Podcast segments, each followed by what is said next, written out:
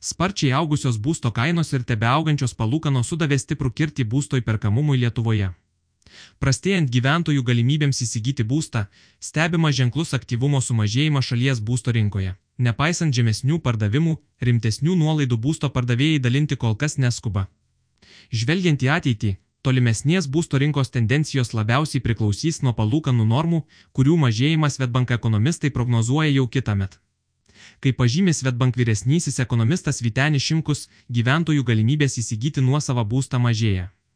Tai rodo Svetbank skaičiuojamas būsto įperkamumo indeksas didiesiems Lietuvos miestams, kuris stipriai krenta jau keletą ketvirčių išėlė. Praėjusiu metu pradžioje būsto įperkamumas prastėjo, nes būstas brango gerokai sparčiau nei augo atlyginimai. Tačiau nuo vasaros vidurio būsto kainos stovi vietoje, o senesnės statybos būtų kainos šių metų pradžioje net ir šiek tiek sumažėjo. Būsto įperkamumas pastaruosius porą ketvirčių labiausiai krenta dėl itin spartaus Europos centrinio banko ECB bazinių palūkanų didinimo, komentuoja viešinkus. Pasak ekonomisto, vidutinėms naujų paskolų palūkanoms per pusę metų padidėjus nuo 2,2 procentų iki 4,2 procentų, stipriai išaugo paskolų aptarnavimo sąnaudos gyventojams. Dalis naujų būsto pirkėjų, kurie iki palūkanų padidėjimo vos atitiko atsakingos skolinimos reikalavimus, dabar jau sunkiai gali įpirkti nuosavą būstą. Suprastėjusios gyventojų galimybės įpirkti būstą labai akivaizdžiai stebimo sandorių statistikoje. Antrinėje rinkoje sandorių skaičius nukrito žemiau 2019 metų lygio ir panašu, kad rinka yra laukimo režime. Iš dalies pardavimai mažesni, nes dalis gyventojų nebegali būsto įpirkti, kita vertus, Dėl vyraujančio neapibrieštumo dalis gyventojų laukia, kaip keisis ekonominė padėtis ir būsto kainos, sako viešinkus. Būsto įperkamumas labiausiai krito Kaune. Svetbank vyresnysis ekonomistas pastebi, kad gyventojų atlyginimai metų pabaigoje augo gana sparčiai. Klaipėdoje ir Vilniuje atlyginimai po mokesčių per metus didėjo 12-13 procentų, Kaune augimas buvo kiek lėtesnis ir siekia apie 10 procentų, tačiau nors pajamos ir didėja, jos tik bando pasivyti kainas. Praėjusiu metu pradžioje vis dar stebėtas spartus kainų augimas, todėl šalies didmieščiuose būsto kainos buvo penktadaliu didesnės nei prieš metus. Itin įsiskiria Kaunas, kuriame metų pabaigoje padvigubėjo užbaigtų naujos statybos sandorių skaičius ir tai kainų vidurkį kilstelėjo net 26 procentai, komentuoja viešinkus. Būsto įperkamumas pastebimai krito visuose trijuose didžiuosiuose miestuose. Vilniuje būstas ir anksčiau buvo santykinai brangesnis, todėl pokytis nebuvo toks ženklus. Sostinėje įperkamo būsto plotas sumažėjo beveik 8 kvadratiniai metrai, iki 59 kvadratinių metrų. Klaipėdoje ir Kaune įperkamo būsto plotas mažėjo 12-16 kvadratinių metrų. Uostamiestyje būstas ir toliau yra labiausiai įperkamas ir čia vidutinis namų ūkis gali įsigyti 90 kvadratinių metrų ploto būtą.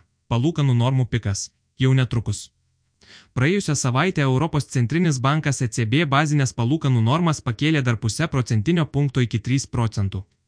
Nors infliacija eurozonoje vis dar gerokai viršyje 2 procentus, Svetbank ekonomistų nuomonė, tolimesniam palūkanų normų kilimui prielaidų beveik nebeliko.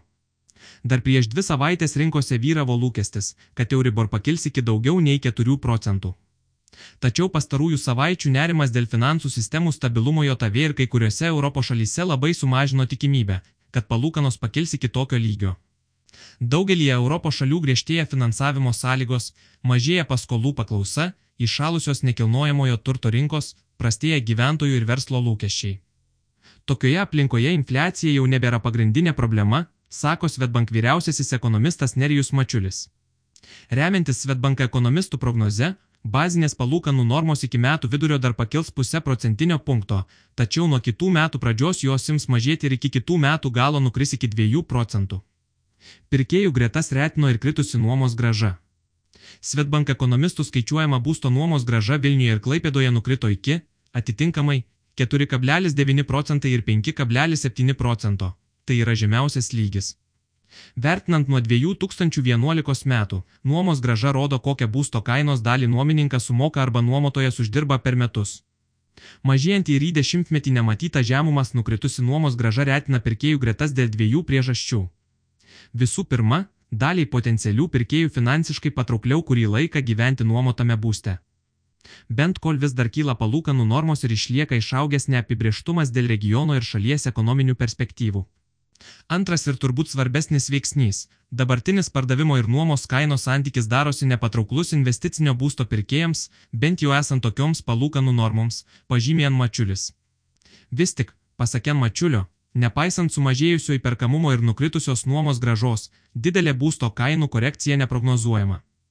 Ženklesnė kainų korekcija galėtų sukelti tik daug didesnės įtampos finansų rinkose ir gilesnė recesija, tačiau kol kas tai nėra labiausiai tikėtinas scenarius.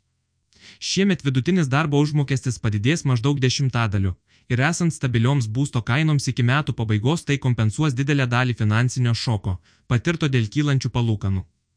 Nedarbo lygis išlieka mažas, demografinės tendencijos didmieščiuose vis dar palankios.